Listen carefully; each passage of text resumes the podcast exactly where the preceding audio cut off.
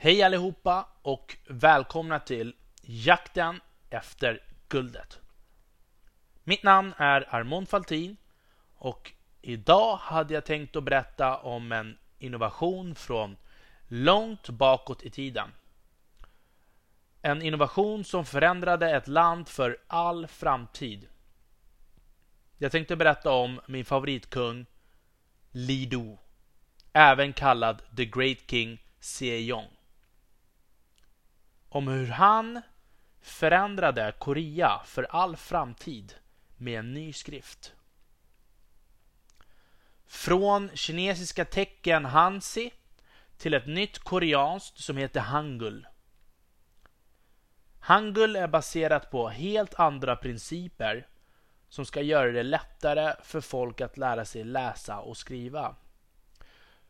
På den här tiden kunde det absolut bästa akademikerna kanske läsa och skriva ungefär 3000 tecken. Vilket skapade en enorm segregation i samhället och det var svårt att nå ut till eh, folket med nyheter och samhällsförändringar. Handelsmän, adel och rika rent allmänt var de som kunde läsa och skriva. Men även där var det begränsat. Den här berättelsen sträcker sig ända bak till början av 1400-talet. Här kommer ni få höra om medier, produktionstester, konkurrensanalyser, trojanska hästar och datainsamling med mera. Kung Lidu såg sitt land redan från unga dagar lida av en alldeles för stor del av segregation och korruption.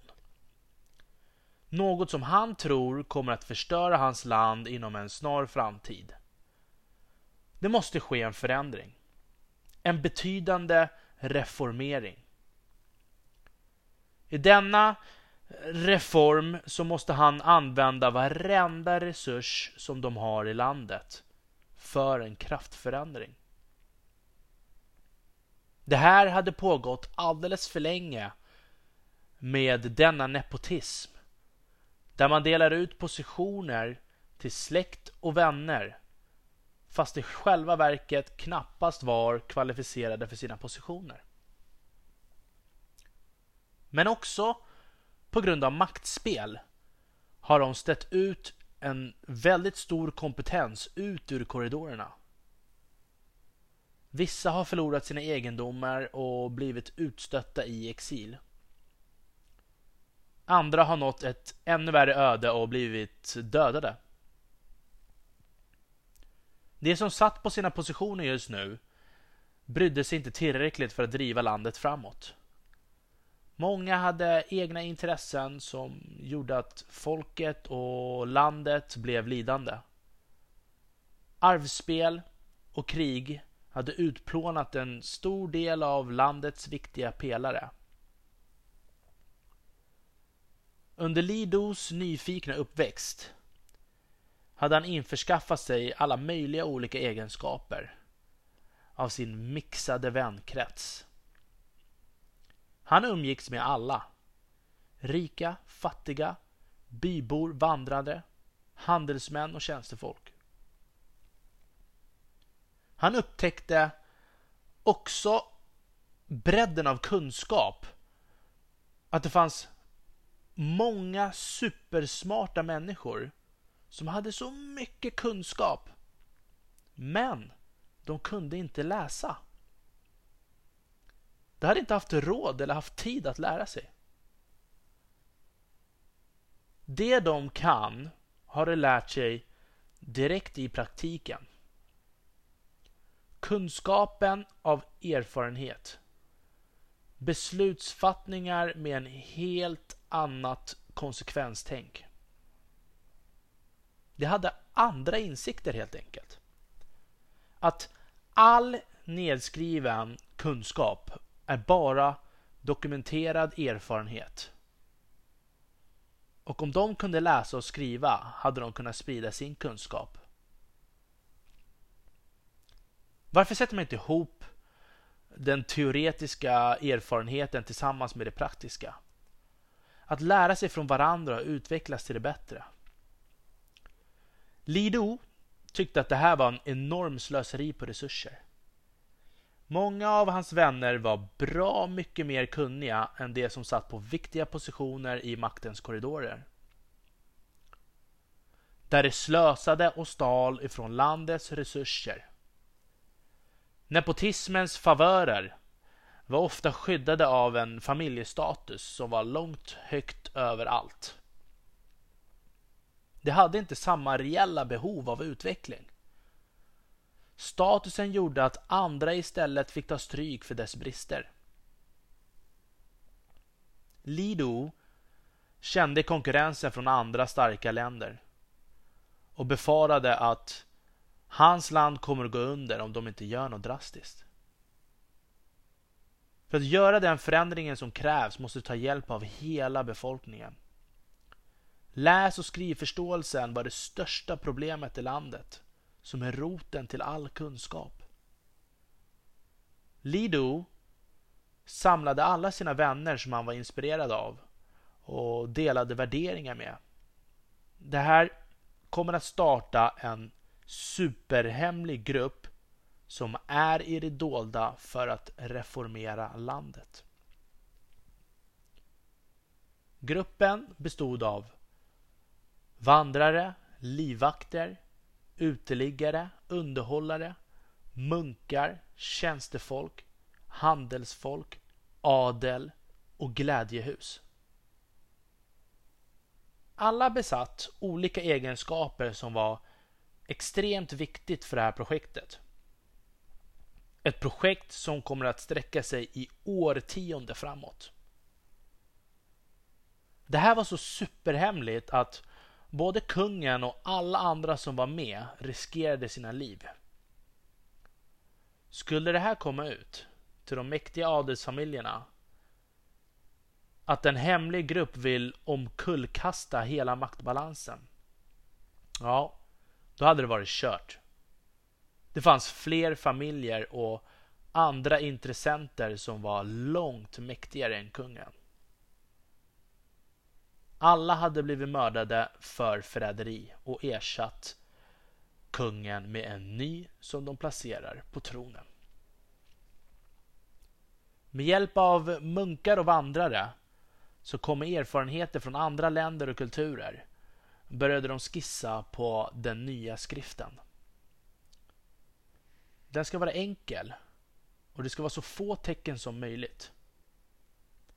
Den nya principen är Fånga upp alla ljud i språket och forma det till bokstäver. Som många andra skrifter har gjort i andra länder, men att göra den till sin egen. Det tar en lång tid att hinna fånga alla ljud i ett språk och dessutom applicera enkla tecken till. Det måste vara så simpelt som möjligt. Så vem som helst kan komma ihåg och lära sig. När väl hade fångat upp några ljud och tillsatt tecken och börjat sätta ihop ord som exempelvis sol, himmel, jord. Då gick det ut och testade sin produkt på målgrupp. Det lät vandrare som var duktiga på visor gå in i fattiga områden och sjunga på de här visorna och eh, rita i sanden. Det var alltid enkelt och det får inte vara för många ord. och Områdena var sådana här områden som adel och de med anknytning till det styrande inte gick in till. Uteliggare fick vara kvar som spejare och datainsamlare. Ta reda på hur lång tid det tog för barnen att lära sig bokstäverna om, om det var något tecken som behövde förenklas eller så. Det dröjde inte lång tid innan barnen lärt sig och började leka med ljudböjningarna och skriften. Helt omedvetna om att det är landets nya skrift de håller på att lära sig.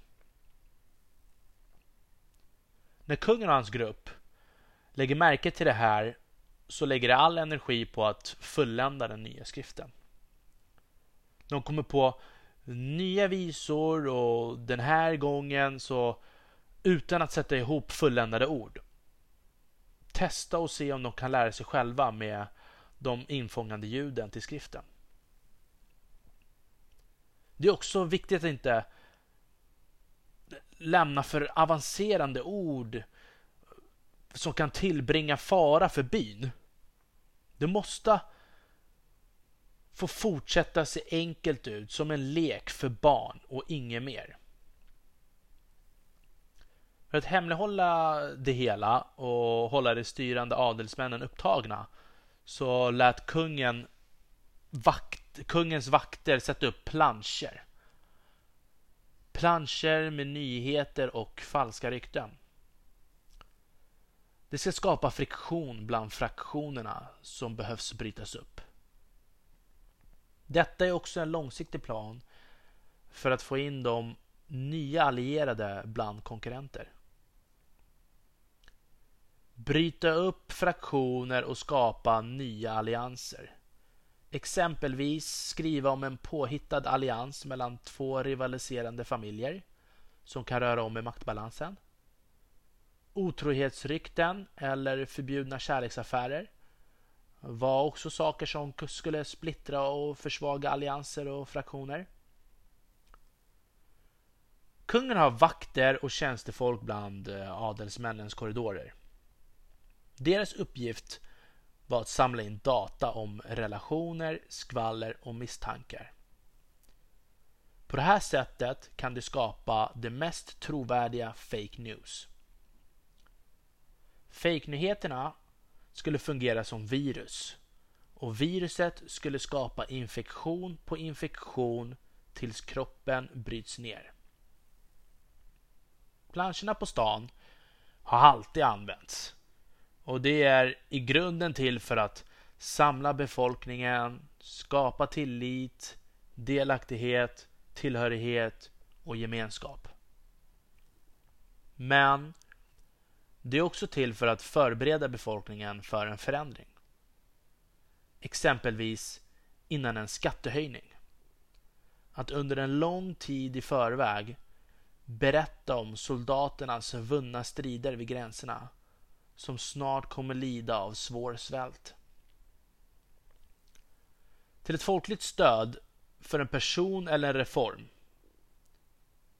Men också till att starta drev eller hålla folk på villovägar under oroliga tider. Lido fortsätter att sprida sig till flera byar med fler vandrare och visor ritandes i sanden. Den mäktiga adeln har också alltid kört planschleken. Och de börjar gilla fällor för att spola ut de tänkbara fake news-spridarna. Det är också tjänstefolk, uteliggare, vandrare, vakter och andra smarta spelare i spelet. Det här är en standardprocess i maktens rum. Lido och hans grupp de förlorar en hel del man i den här processen. Som tar sin hemlighet rakt in i graven, även under tortyr. Deras arbete ska förändra en värld för all framtid. Det ska bli mer jämlikt mellan fattiga och rika. Kunskap ska bli tillgängligt för alla. Kulturen, värdegrunden och målet i Lidos grupp var mycket starkare, tydligare och viktigare än någon annan grupp. Efter att har fulländat den koreanska skriften hangul sprider han ut den igen i visor och tecken denna gång på strategiska platser som ska ge spridning. Planscherna är nu uppe på stora torg med en färdig skrift. Barnen har redan börjat skriva sina egna namn och andra ord från skriften. De har kastat omkull de olika bokstäverna och gjort det till sina egna meningar.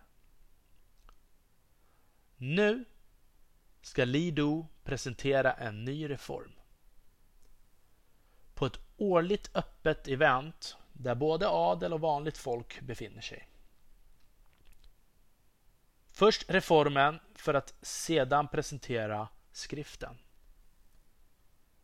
Den nya reformen består av en enkel princip. Att de mest kompetenta ska få positioner. Och att vem som helst från och med nu ska kunna ställa upp i högskoleproven. Även vanliga bybor. Kunskap går före allt. Och efter högskoleproven ska de mest begåvade berätta vad de brinner för och därefter vidareutbilda sig för sin position. Det ska inte längre vara en räkmacka genom mäktiga släktträd där, där de ärver sina positioner. Många blir glada när de hör det här, men det är också väldigt många som blir arga. Mitt i tumultet så tar han fram en plansch med massa konstiga tecken och säger Det här är vår nya skrift Hangul. Vi ska inte längre använda oss av den svåra kinesiska skriften Hanzi. Vi är koreaner. Vi har vår egen skrift för vår kultur och våra värderingar. Många blir upprörda och undrar vad fasen är det som försiggår. Är det de här planscherna vi har sett över hela stan? Vem skulle vilja lära sig det här? De tittar noggrannare på planscherna som du har delat ut. Och så kommer det jubel från folkhavet. Från alla möjliga olika klasskillnader. Visor börjar sjunga så högt så att det ekar. Nu börjar även adelsmännen känna igen de här visorna. Vad är det som försiggår? Jo, en stor del av landet kan redan läsa och skriva. Det har utbildat den simplaste del av befolkningen som därefter har utbildat varandra. Genom visor och barnlekar i sanden. Det här var en viktig del av planen för att göra det oundvikligt att acceptera skriften. Ett tydligt, färdigt bevis på att den fungerar. Hangul består av endast 24 tecken med 14 konsonanter och 10 vokaler. Vem hade någonsin kunnat ana att dessa simpla barnlekar skulle bli landets nya skrift? Det här är ett annat intresse som jag har. Koreansk historia. Eller asiatisk historia. Uh, jag hoppas att ni tyckte om det. Uh, också att ni kan se likheterna med dagens affärer och system som används idag för att bygga bolag och produktutveckling och så vidare. Och som jag sagt tidigare så gör jag det här för att hitta nya drivna vänner. Så fortsätt skriv, fortsätt hör av er. Har ni vänner eller om ni själva älskar Korean, hojta till. Ha? Jag behöver någon att prata koreanska med. Tack så mycket för idag. Vi ses igen nästa vecka. Jakten efter guldet mina vänner. Med vänliga hälsningar Armond Faltin.